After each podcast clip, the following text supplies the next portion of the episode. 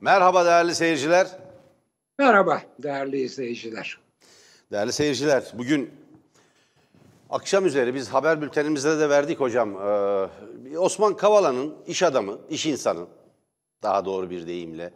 Bu kavram yerleşti ve bu çok da iyi oldu. TÜSİAD bile adını değiştirdi. İş insanı Osman Kavala hakkındaki iddianame açıkladı, açıklandı. Akıllara durgunluk verecek bir iddianame. Yani anayasayı ihlal suçu e, işlediği iddia ediliyor. Yasama organına karşı ve hükümete karşı bir dizi suç işlediği ileri sürülmüş. Mesela e, iddianamede şu kavram e, yer alıyor. Türkiye Cumhuriyeti Anayasası'nın öngördüğü düzeni ortadan kaldırmaya veya bu düzenin bu düzenin yerine bir başka düzen getirmeye veya bu düzenin fiilen uygulanmasını önlemeye çalışmakla suçlanmış. Hocam bir şey söyleyeceğim size. Ee, şimdi bu size hatır bir şey hatırlatıyor mu? Yani AKP iktidarı geldiği 18 yılda ne yaptı sizce? Ceza yasalarında garip değişiklikler yaptı. Anayasayı değiştirdi hocam. Bir buçuk milyon sahte oyla yani eski mevcut anayasal düzeni değiştirdi. Kısmen veya tamamen. Hem de hem Ve- de hem de hem de hem de e, Profesör Sami Selçuk eski Yargıtay Başkanı'na göre e, yasalara aykırı gayrimeşru bir biçimde. Evet. Bu, Hem de. Sami Selçuk'un söylemiş olması çok önemli değil hocam. Yani bu bir gerçek. Bu bir gerçek. Bunun Yani böyle olmadığını hukukçu. biliyoruz. Sahte hukukçu. oyla, sahte oyla yani yasada açık hükmü olan biz bunu Sami Selçuk'tan çok daha önce ilan ettik. Tamam. Sahte oyla yani arkadan yasa çıkararak, birkaç ay sonra yasa çıkararak, sahte oyla geçirdikleri bir referandumdan sonra anayasayı düzenlediler ve ona uygun Cumhurbaşkanı seçtiler. Yasa açık. Mühürsüz oy kabul edilemez diyor. Referandum yapılıyor. Yüksek Seçim Kurulu saat 5 gibi toplanıyor ve mühürsüz oy pusulalarını geçerli sayıyor. Ama ileride bir yasal sonuç, bir cezai sonuç doğurmasın. Kendimizi birdenbire sanık sandalyesinde bulmayalım gelecekte diye hem siyasiler, o dönemin iktidar mensupları hem de herhalde Yüksek Seçim Kurulu e, üyelerini kurtarmak için yasayı değiştirdiler ve arkadan getirdiler. Yok, Şimdi tekrar konuya dönür, dönersek. Hayır hayır ama kurtarmaz ki yani onu söylemek lazım. Bence de Sonraki kurtarmaz. yasa değişikliği kurtarır mı ya öyle şey olur mu hiç o o hiç o, o laf o yani. Hocam diploma Asla sonra- tartışmasında da olmadı mı? Sayın Cumhurbaşkanı'nın diplomasının bulunmadığına dair iddialar var. Çünkü eski yas- e, yasaya göre e, 4 yıllık yüksekokul fakülte mezunu olmadan Cumhurbaşkanı olamıyorsunuz. E, Sayın Cumhurbaşkanı da böyle bir diploma ortaya koyamadı veyahut konulmadı veyahut getirmedi veyahut getiremedi bilmiyoruz. Ama böyle ciddi bir iddia var. Sonuç olarak bu iddiaları çürütmek gerekirdi. Ama bunun yerine yasanın, anayasanın ilgili hükmünü değiştirdiler. Hiç hiç kurtarmaz. Hiç Evet kurtarmaz. ama o ilgili anayasa hükmü ve ona bağlı yasalar değişene kadar imzalanmış onlarca yasa, kararname, yönetmelik ve diğer devlet kararları var. Bunlar geçerli midir, geçersiz midir? Mesela gelecekte eğer böyle bir belge tekrar ortaya konulursa tartışılmaz bir biçimde. İddia bunlar. Her neyse konuya dönersek hocam Osman Kavala. Osman Kavala'ya yüklediği suçu mevcut iktidarın kendisinin işlediğini söylemek hukuki bir değer taşır mı taşımaz mı bilmem ama siyasal bir değerlendirme olarak son derece yerindedir diye düşünüyorum. Hukuki bir niteleme iddiasında değilim ama Cumhuriyet tarihinde Cumhuriyet Anayasası'nı, Cumhuriyet'in layık kurumlarının işleyişini sabote eden, onu engelleyen, eski anayasal düzeni değiştiren, ha denilecektir ki bu referandumlarla değiştirildi. İşte yasal yollar, hukuki yollarla değiştirildi. Fakat değiştirildi. Peki burada Osman Kavala mesela ne yapmış? Gezi eylemlerini mi, gezi direnişini mi örgütlemiş? Gezi e, direnişi sırasında sokağa çıkan insanları mı örgütlemiş veya kışkırtmış? Vallahi bu Osman Kavala'ya karşı e, bir e, yalan ve iftira niteliği taşısa da gezi eylemi ve gezi direnişine karşı en büyük iftiradır.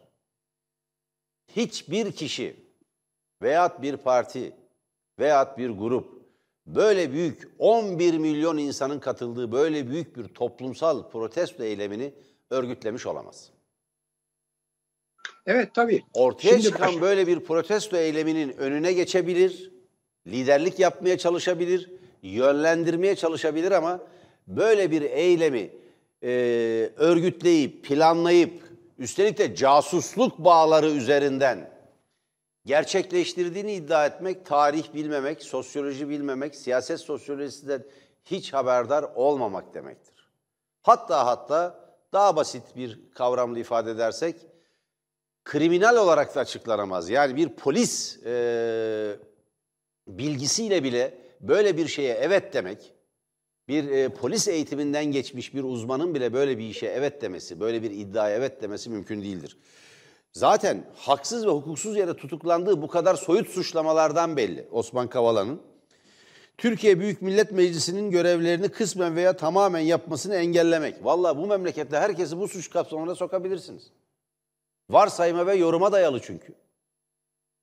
Ben Osman Kavala'ya karşı bir suç işlendiğini, Osman Kavala'nın haksız ve hukuksuz bir biçimde tutuklanmış olduğunun bir kanıtı, bir belgesi olarak görüyorum bu iddianameyi. Buyurun hocam. Evet, e, şimdi tabii e, dediğiniz fevkalade doğru. E, bir de ben iddianameden çok şaşırtıcı bir noktayı anımsatmak istiyorum değerli izleyicilerimize. E, bu aynı zamanda Enis Berberoğlu'nun da e, mahkum edilmesine sebep olan maddedir.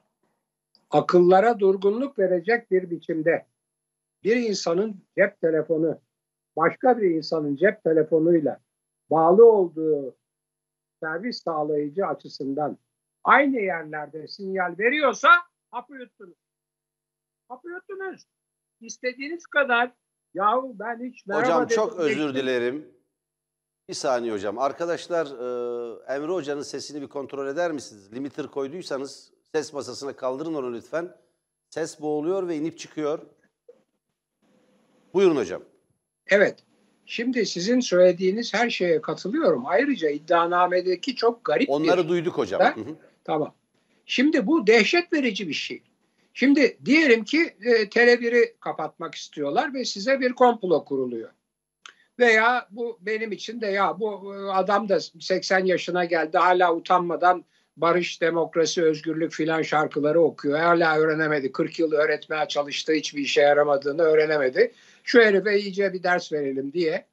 Yani bizim benim mesela sizin de öyle. Sizin eviniz belli, Tele1 belli, benim de evim belli, yürüdüğüm yol belli, Tele1 belli. Çevremizde böyle e, yani diyelim ki uyuşturucu kaçakçılığından mahkum olmuş veya işte şaibeli birilerini dolaştırıp Allah'tan ben cep telefonu kullanmıyorum. E, siz siz düşünün onu. Dolaştırıp Vallahi hocam bir telefonu- AVM'de aynı anda bulunmak ki bulunmak mümkündür. Binlerce kişi girip çıkıyor. Bir suçluyla aynı anda bir AVM'de bulunmak suç ortaklığının kanıtı gibi gösteriliyor. Şimdi hapı Olacak iş değil yani. Yani bu Enis Berberoğlu'nu da buradan mahkum ettiler. Şimdi e, bu, e, Kavala'yı da buradan suçluyorlar kanıt olarak. Henry Barkey diye bir adam var da onlar oturmuş da bilmem ne yapmış. Tabii diyor ya karşılaştık el sıkıştık yani. Şöyle de yürüdük geçtik diyor. Ya neyse şimdi buradan başka bir yere geleceğim. Hocam bu FETÖ kumpasını hatırlatıyor. Tamam. Aklıma Tamam. geldi. Bir cümleyle bir örnek vereceğim. Lütfen Ergenekon kumpasında bana yöneltilen suçlamalardan biri şuydu. Güya darbeci, Ergenekoncu bir askerle aynı yerden sinyal gelmiş. Aynı Ha işte bölgeden. buyurun. Tamam işte. Bölge neresi diyorsunuz? Şöyle hocam, şöyle. Ben o dönemde Koz Yatağı'nda, evimiz Koz Yatağı'ndaydı. Söz konusu adam da oraya çok yakın yerde eee küçük yalıda bir restorandaymış. Ya o sahil restoran dolu. Yani evim orası dedim. A dediler. Hayret bir şey. A dedi Şimdi bu- dedim. Ya dosyada yazıyor adresim. Yalnız buradan, Kozyatağı'yla o Kozyatağı'yla küçük yalı yan yana iki semttir. tabii tabii. Komşu semttir. Şimdi buradan Böyle bir çok sahtekarlık bu. buradan çok çok tehlikeli bir yere geleceğim. Zaten bu iddia yeterince tehlikeli.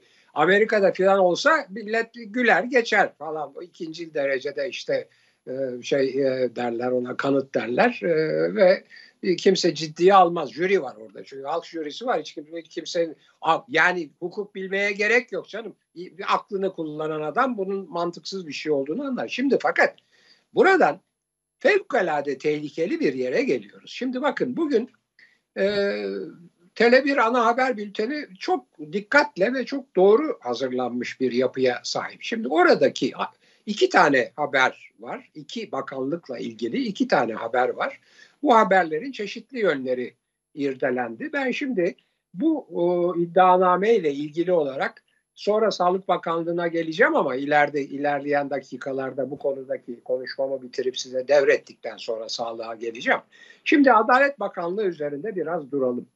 Şimdi dünya alem biliyor ki e, bu FETÖ denilen Fethullah Gülen cemaati ayıklandıktan sonra kavga çıktıktan sonra aralarında paylaşım kavgası çıktıktan sonra bütün Türkiye'yi beraberce mahvettikten sonra orduyu, üniversiteleri, medyayı perişan ettikten anayasayı değiştirip yargıyı kendilerine bağladıktan sonra kavga ettiler ve oradan bir boşluk oldu. Oradan olan boşluğu başka tarikatların doldurulduğunu doldurduğunu artık Sağır Sultan bile duydu. Şimdi yani bir atıf yapayım üstünde durmayacağım. Mesela Sağlık Bakanlığı'nı menzil tarikatı e, doldurmuştu. Yani sonradan onu konuşuruz. Ama gene bilinen iki, iki bakanlık daha var. Hatta üç bakanlık daha var doldurulduğu tarikatlarla doldurulduğu bilinen. Birisi şimdi sözünü edeceğim Adalet Bakanlığı. Öbürü maalesef İçişleri Bakanlığı. Öbürü maalesef Milli Eğitim Bakanlığı. Bunları ben söylemiyorum gizli bilgi falan da değil. Hiç kimse bana içeriden böyle ihbar mihbar da yapmaz. Kimse cesaret de edemez. Çünkü reddederim derhal. Ben öyle içeriden bilgi falan kullanmam. Bunlar medyada konuşulan açık bilgiler. Şimdi Adalet Bakanlığı konusunda birkaç ayrı iddia birden var. Bir, bir avukatlar grubundan söz ediliyor. Efendim ondan sonra bir pelikan e, efendim e, yalısından söz ediliyor. Ondan sonra bir tarikattan söz ediliyor. Ve bugün çıkıyor Sayın Adalet Bakanı diyor ki efendim adaletin, devletin adalet konusunda pardon demeye pardon demeye hakkı yoktur diyor. Pardon diyemez. Türk milleti adına karar veren yargıç adalet pardon diyemez diyor. Şimdi bu noktada ben sözü derhal size devrediyorum. Ee, yani Mehmet Haberal eğer bu programı izliyorsa ki bilmiyorum çok meşgul bir adamdır. Ee, izleyemez herhalde ama söylerler ona. Mesela Mehmet Haberal'a nasıl pardon dendi? Beş yıla yakın hapiste tutularak. Mustafa Balbay işte Uğur'u yazdı. Şimdi Ahmet Taner Kışladı'yı yazıyormuş. Ee, dört yılı aşkın süre içeride tutuldu. Ona nasıl pardon dendi? Peki bu en son casusluk ve bilmem işte balyoz vesaire e, suçlamalarıyla tutuklanan değerli komutanlara, generallere, amirallere, e, amiral general olmayan onların altındaki rütbelilere pardon denil, denildi mi, denilecek mi, nasıl denilecek? Peki ya şimdi bu son işte 15 Temmuz kalkışmasında zavallı çocukları, erleri filan arabalara arabalara doldurup oralara tatbikat var diye götürülen çocukları mocukları içeri atıp e, yıllardır hapiste tutan tutan yargı o çocuklara dönüp pardon diyecek mi? Size pardon dendi mi? Diyelim ve böylece lafı size pas etmiş olalım. Bir şekilde dendi tabii hocam. Nasıl dendi? Yargıtay davayı bozdu. Bir ağır ceza mahkemesine gönderdi. O ağır ceza mahkemesi de tekrar hepimizin hakkında tek tek beraat kararı verdi. O beraat kararının kendisi pardon anlamına geliyorsa pardondur. Bizler de tazminat davası açtık. Ha, Şimdi ne oldu? Evet. Devam ediyor aslında. tazminat davaları. Efendim devam ediyor. Evet devam ediyor. Tazminat kazanan var, kazananlar var. Daha önce dava açanlardan tazminat alanlar var. Devlet bir tazminat ödüyor. Fakat tazminatı sınırlandılar. Ekonomik kriz var. Ee, bu haksız zenginleşmeye yol açar diye 5 yıl yatırdıkları insana 10 bin lira tazminat veriyorlar. Olacak iş değil. Olacak iş değil. Fakat bu konuda mahkum olmaları önemli. Mahkum olmaları önemli. Hocam şimdi AKP AKP hükümeti bir yasa çıkartıyor. Bir torba yasa çıkartma hazırlığı var. Şu an mecliste değerli seyirciler. Çok önemli bir torba yasa. Türkiye Büyük Millet Meclisi Plan ve Bütçe Komisyonu'nda görüşülüyor bu torba yasa. Torba yasanın içine bir hüküm, bir madde koyuyorlar. Bu madde nedir biliyor musunuz hocam? Evet, bilmesinlerci. Evet, evet, evet. Bu madde şu. Mega proje diye bilinen yatırımlar, karayolları, köprü, şehir hastaneleri, tünel gibi yatırımlara harcanan parayı bilemeyecek kimse. Buna ulaşmak, bu konuda soru sormak, bilgi istemek devlet kurumlarından, belge istemek, açıklama yapmak bu yasayla yasaklanıyor. Değerli seyirciler, bütün vatandaşların buna itiraz etmesi gerekiyor. Bırakın muhalefet partilerini, bırakın demokratik kitle ve meslek örgütlerini. Herkesin bizim vergilerimizi nasıl harcıyorsunuz diye sormayı yasaklıyor. Torba yasaya koyduğu bir gizli maddeyle. Yani torba yasanın içine daha doğrusu gizleyerek koyduğu bir maddeyle. Yani siz yani siz işte deprem e, zedelere vesaireye yardım için işte e, vergi affı vesaire gibi bir takım yasal düzenlemelerin e, hazırlandığı bir torbanın içine bir madde koymuşlar. Köprü, otoyol, otoyol, baraj, şehir hastanesi, tünel ve benzeri, geçit vesaire gibi büyük paraları, büyük paralar harcanan Yapışlet devlet modeliyle birçoğu yapıldı bunların. Bu nedenle geçiş garantisi, hasta garantisi, araç garantisi verildiği için söz konusu cirolara ulaşılamadığı gerekçesiyle her sene cebimizden para alınan, buna çalınan demek de mümkün. Bu yatırımlara kaç para harcandığını soramayacağız. Şunu soramayacağız değerli seyirciler. Üçüncü havaalanına ne kadar para harcadınız? müteahhitlerin cebine, beşli çetenin cebine kaç para girdi? Bunu yasaklamaya çalışıyorlar. Haberiniz olsun. Şeffaf AKP iktidarı. Milli ve maneviyatçı Cumhur İttifakı, mukaddesatçı Cumhur İttifakı halkın bilgisinden, gözünden halkın parasını kaçırıyor. Nereye harcadığını açıklamayacakmış. Yasa aynen şu. Türkiye Plan ve Bütçe Komisyonu'nda görüşülen torba yasa kapsamında artık hükümetin mega proje olarak adlandırdığı otoyollar, köprüler, hastaneler için ne kadar ödeme yaptığı yaptığının bilgilerine ulaşılamayacak. Bütçenin kara deliğidir bunlar. Bütçenin kara deliğidir. Kara deliğidir. AKP bir torba yasanın içine gizlemeye çalışıyor. Buradan Cumhuriyet Halk Partisi'ne, İyi Parti'ye, HDP'ye, Saadet Partisi'ne, mecliste temsilcisi olan Türkiye İşçi Partisi'ne buradan sesleniyorum. Bütün yurttaşlarımız adına, bizi izleyenler adına buna geçit vermeyin. Buna geçit vermeyin. Halkın vergilerini nereye harcadığını bir iktidar açıklamıyorsa o ülkede demokrasi yok demektir. O ülkede her şey palavradır.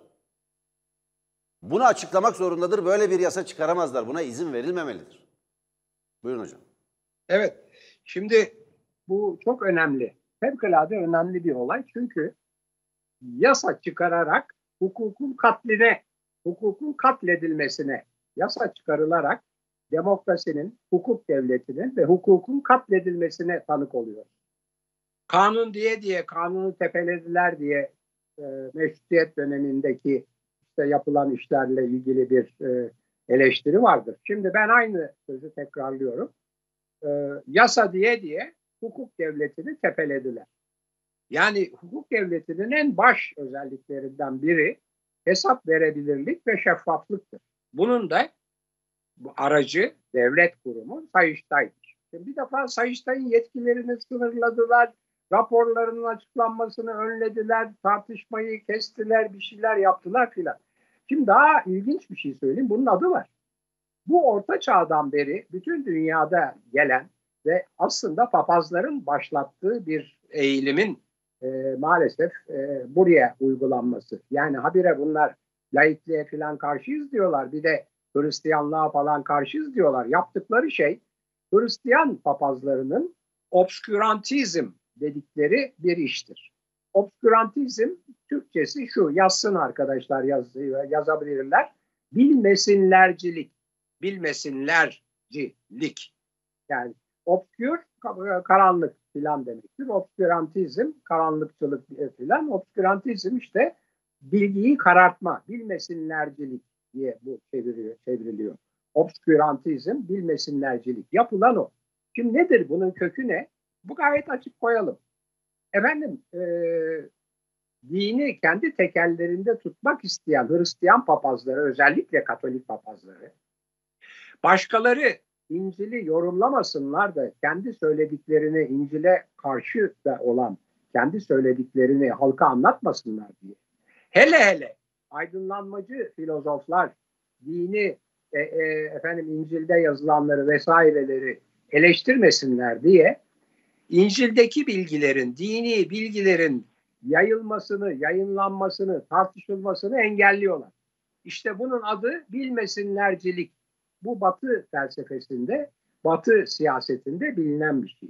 Sonra bu bilmesinlercilik, bu obskürantizm aydınlanmacılara karşı uygulanıyor. Bunlara işte Allahsız deniyor, hain deniyor, bilmem ne deniyor. Cadı avları yapılıyor, cadı kazanları kaynatılıyor filan.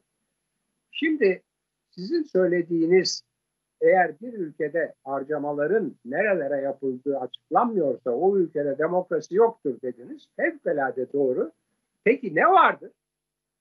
Ne vardır demokrasi yoktur da? O harcamaların üzerinden nem ağlananlar, nem ağlar, oralardan yapılan efendim başka işler vesaireler vesaireler. Terbiye müsait değil çok açık konuşmaya. Ama herkes herhalde anlıyor. Şimdi yani bir ülkedeki en büyük harcamaları üstelik bakın değerli izleyiciler çok önemli. Hani yasa masa adalet reformu deniyor. Bu anlaşmaların bu anlaşmaların yani bu taahhütlerin müteahhitle yapılan bu anlaşmaların üzerinde bir anlaşmazlık çıktığı zaman hakem kim biliyor musunuz? Türk mahkemeleri değil, Londra mahkemeleri.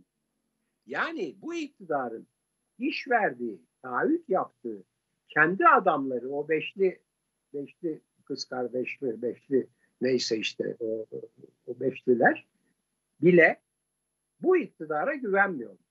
Ve bu iktidar onlara o işi vermek için onlarla yaptığı kontratlar hakkında anlaşmazlık çıkarsa hakem olarak Londra mahkemelerini belirliyor. Bunun tabii iki, iki nedeni var. Birisi kendilerine iki tarafında birbirine güvenmemesi. Öbürü de bu işi yapan müteahhitlerin yahu siz giderseniz gelen iktidar bizim canımızı okur demesi ama CHP ilan etti gelir gelmez bunları askıya alacak. Yani o da bir ayrı mesele. Şimdi bu onun bakımdan Sayıştay için ve harcamalar için bu e, şeye torba yasaya eklenen madde çok önemli. Ben bir de bu e, sözü Sayın e, e, Yanardağ aktarırken e, e, Sağlık Bakanlığı'ndaki tarikatın yani menzil tarikatının ve oradaki bakanların ve Covid'le, Covid-19'da koronavirüsle mücadeledeki güvensizliğin devlet güvensizliğinin dün konuştuğumuz e, Devlet İstatistik Enstitüsü olan eski adı şimdiki TÜİK olan e, kurum tarafından ilan edilen bilgilerin güvenilmez olmasının getirdiği müthiş bir güvensizliğe ve ekonomiyi çökertecek derecede önemli bir etki yapmasına bağlıyorum. Buyurunuz Sayın Yanar. Şimdi tarikatlere geçelim.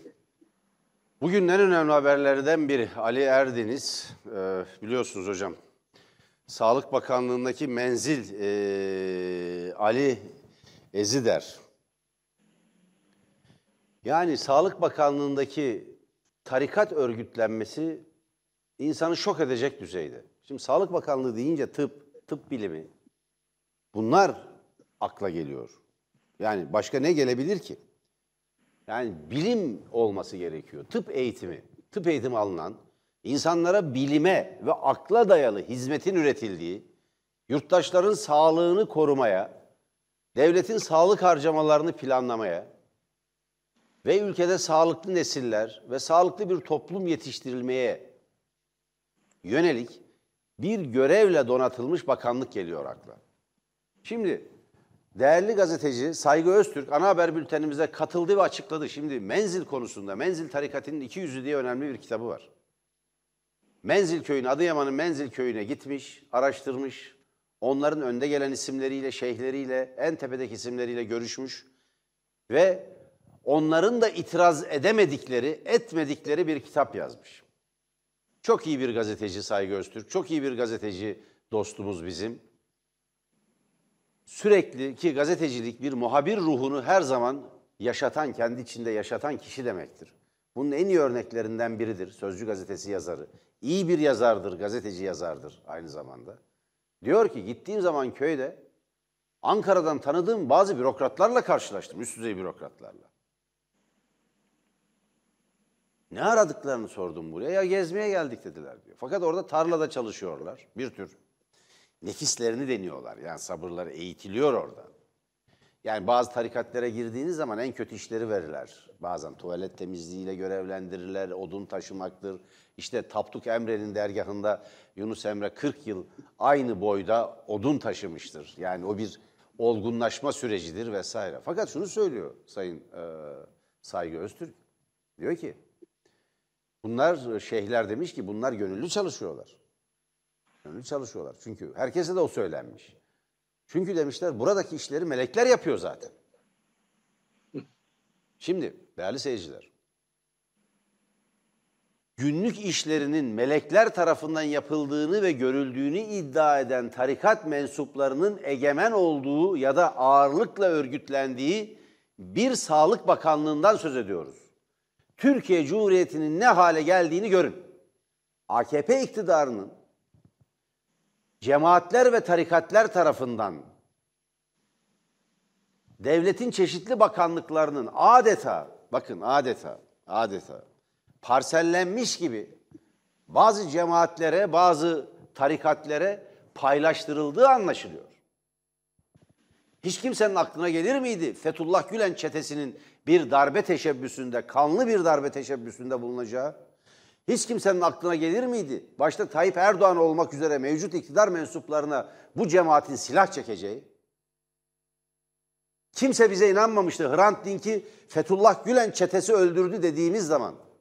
Kimse bize inanmamıştı. Hala inanmıyor. Evet Malatya'daki yok şimdi inanıyorlar hocam. Yargı hepsini bizim verdiğimiz bütün isimleri tutukladılar. Benim kitapta Ama- yazdığım.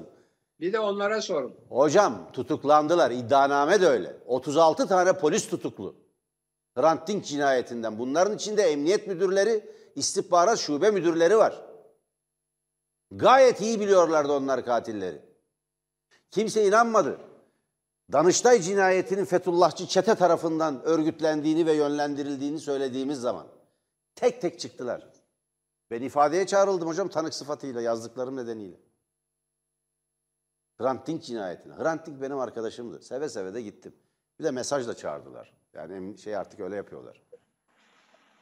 Davaya bakan ağır ceza savcısı. Hayır benim söylemek istediğim şey şu. Özellikle yetmez ama evetçiler arasında hala o iddiaların doğru olduğunu Maalesef onlar meczup. Ya yani ona- ona günümüzün etmek meczupları. Artık Bu, işi e, evet. Da- Danıştay ve Cumhuriyet meselesinde ya Soytarılığa Sel- vardırdılar. Onlar işin meczupları hocam. Evet. İşi ciddiye, onların ciddiye alınacak bir yanı yok. Onlar Selçuk- Hrant Dink'in katilleriyle kol kola Hrant Dink'in dostları diye bir grup bile oluşturdular.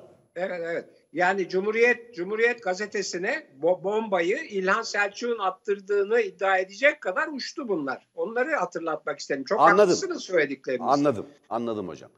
Şimdi peki Fethullah Gülen çetesi madem bunu yaptı bir başka tarikatın laik ve demokratik cumhuriyete karşı bir suikast düzenlemeyeceğinin bir garantisi var mı? Yok canım tabii. Yok. Yok. Menzil tarikatının yarın nasıl davranacağını biliyor muyuz? Yok. Söz konusu kişi Ali Edizer. Ali Edizer'in bir takım toplantılarına, toplantılara papyon ve smoking giyerek katıldığına dair fotoğraflarının olduğunu da biliyoruz. Temel metotları yalandır, takiyedir, siyasi sahtekarlıktır, kendilerini gizlemektir. Bunu gayet iyi biliyoruz. Şimdi büyük soru şudur. Türkiye Cumhuriyeti Devleti'nde, devlet kurumlarında tarikatlerin etkinliği, gücü nedir? Şimdi diyecekler ki, ya toplumda varsa bunların mensupları tabii ya devlet memurluğuna da girerler. Hani devlet bu toplumun bütün mensuplarını bütün mensuplarına iş verebilir liyakata olduğu sürece. Doğru. Peki niye devlet kurumlarında yeterince Alevi yok? Niye devlet kurumlarında yeterince Şii yok? Aleviler bu toplumun hadi en düşük ifadesiyle yüzde yirmisini oluşturuyorlar.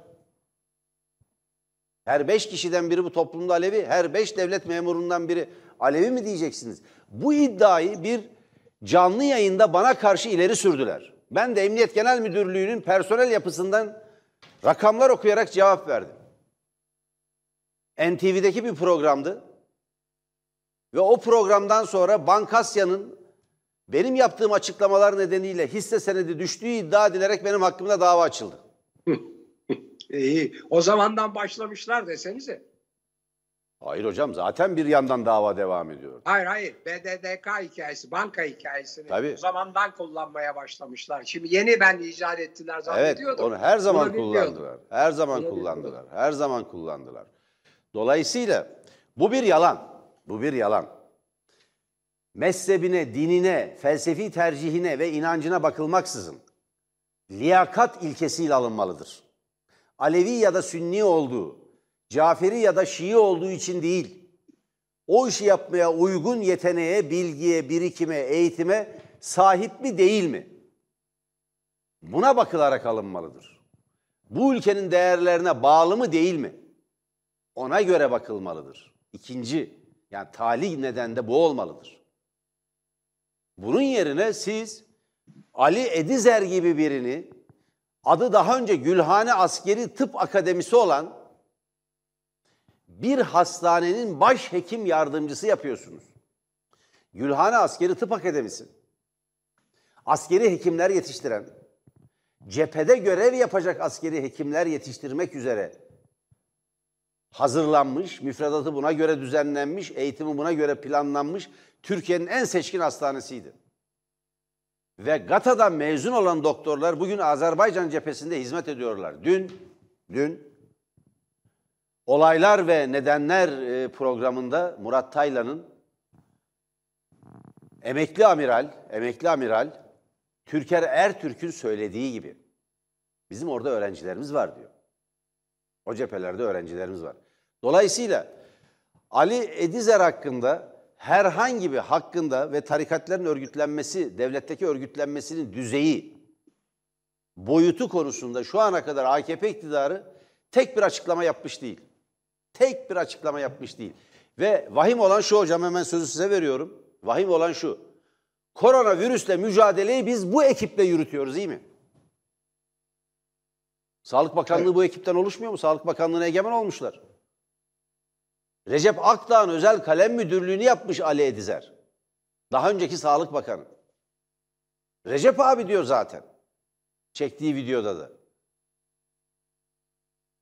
Evet her şey ortada. Her şey ortada. Gayet açık. Ee, ben e, hatırlatayım değerli izleyicilerimize.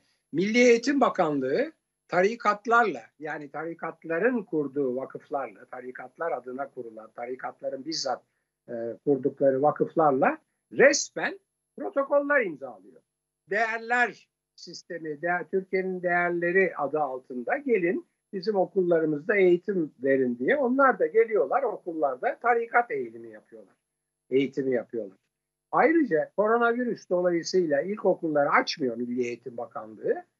Açmıyor. Ondan sonra okul bakın burası burası hani şey o çokomel mokomel söylüyorlar çok önemli falan diye dalga geçiyorlar birileriyle. Birileri birileriyle alay ediyor çokomelli burası çok önemli diye. Hakikaten burası çok önemli şimdi. Ee, Milli Eğitim Bakanlığı açtığı ilkokullara öğrencilerin yollanıp yollanmamasını velilerin kararına bırakıyor. Bu ne demek biliyor musun? Doğuda ve Güneydoğu'da olanakları ve e, okul imkanları e, yeterli olmayan yerlerdeki çocukların özellikle kız çocuklarının ailelerin okula yollamadığı kız çocuklarının ama bütün çocukların küçük yaştaki çocukların hepsinin tarikatlara yolu açıldı. Kur'an kurslarına yolu açıldı. Bu dehşet verici bir şey. Bunu yapan Milli Eğitim Bakanı. Milli Eğitim Bakanlığı kendi özel okulu olan bir adam. E şimdi buradan tekrar e, konuşacağız demiştim. Sağlık Bakanlığı'na gelelim. Sağlık Bakanı da kendi özel hastanesi olan bir doktor. Efendi bir doktor, iyi bir doktor olduğunu söylüyorlar. Muhakkak öyledir. Benim hiç onlara itirazım yok. İyi bir aile babası falan da olabilir. Yani onlar ayrı şeyler. Ama Türkiye'deki sağlık sisteminin özellikle e, istatistiksel olarak ve izlen, izlenerek çünkü efendim şimdi bunlar basit şeyler. Ekonomiyi, sağlığı, pandemiyi ya işte her türlü e, salgını sayılarla izlersiniz. İstatistiklerle izlersiniz. Her dakika bir skandal ortaya çıkıyor. Mart 12'de 13, 11, 12, 13 civarında başladı dediler. Şubat'ta olduğuna dair bir takım e, yazılar çıktı. E, biz biliyoruz batıda Aralık ayında filan bir takım vakalar görülmüş. Ocak, Şubat'ta bunlar artık kayda geçmeye başlamış. Yani bizim e, sağlıkçıların veya e, Türkiye'deki hekimlerin bunları bilmemesine, görmemesine imkan yok. Cumhuriyet döneminin yetiştirdiği en önemli profesyoneller hukukçular, mühendisler ve doktorlar ve avukatlar ve avukatlar.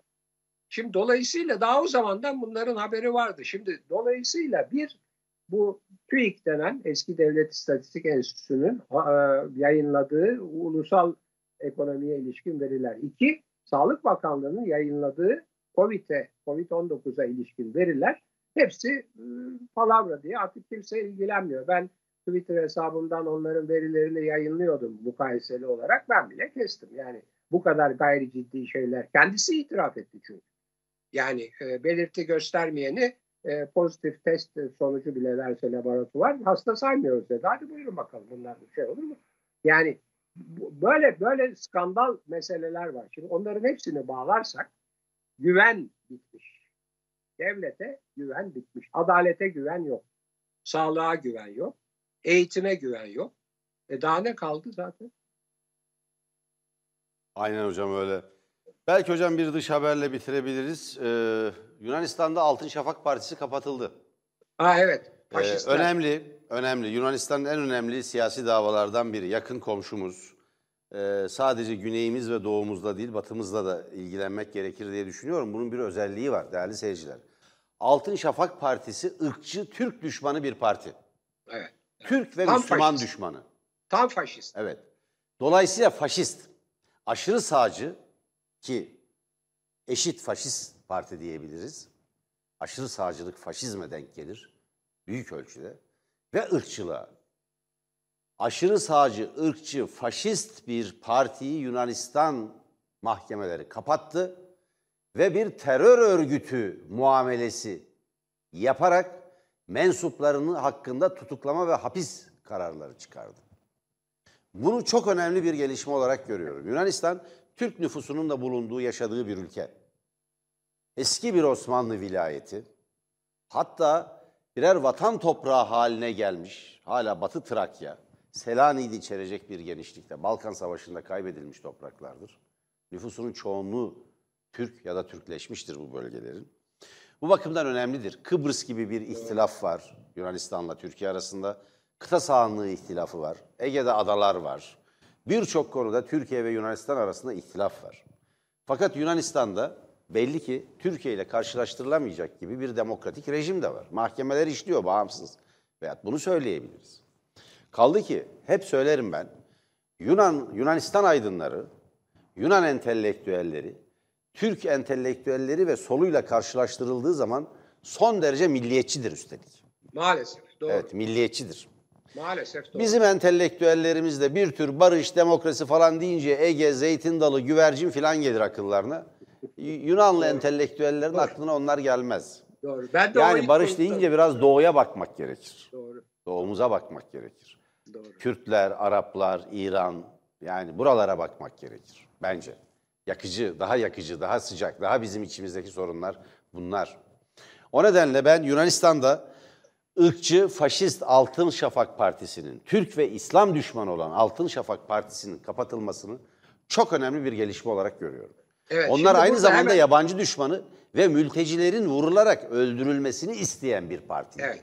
Burada Mecliste milletvekilleri hemen... var. Dikkatinizi çekerim. Evet, evet, evet. Buradan hemen ben bir başka son dakika haberiyle e, kapatmak istiyorum. Gırgır da bir olay.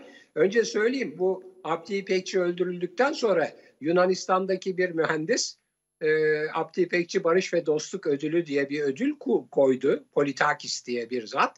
O ödülün e, jürisinde Aziz Nesin, e, ben, Haldun Taner e, e, ve e, Yaşar Kemal e, galiba Cevat Cevat Geray da vardı. Yani ama Haldun Taner'i, Aziz Nesin'i ve e, Yaşar Kemal'i ve kendimi çok iyi hatırlıyorum. Benim sakalı o yüzden e, gündeme gelmişti.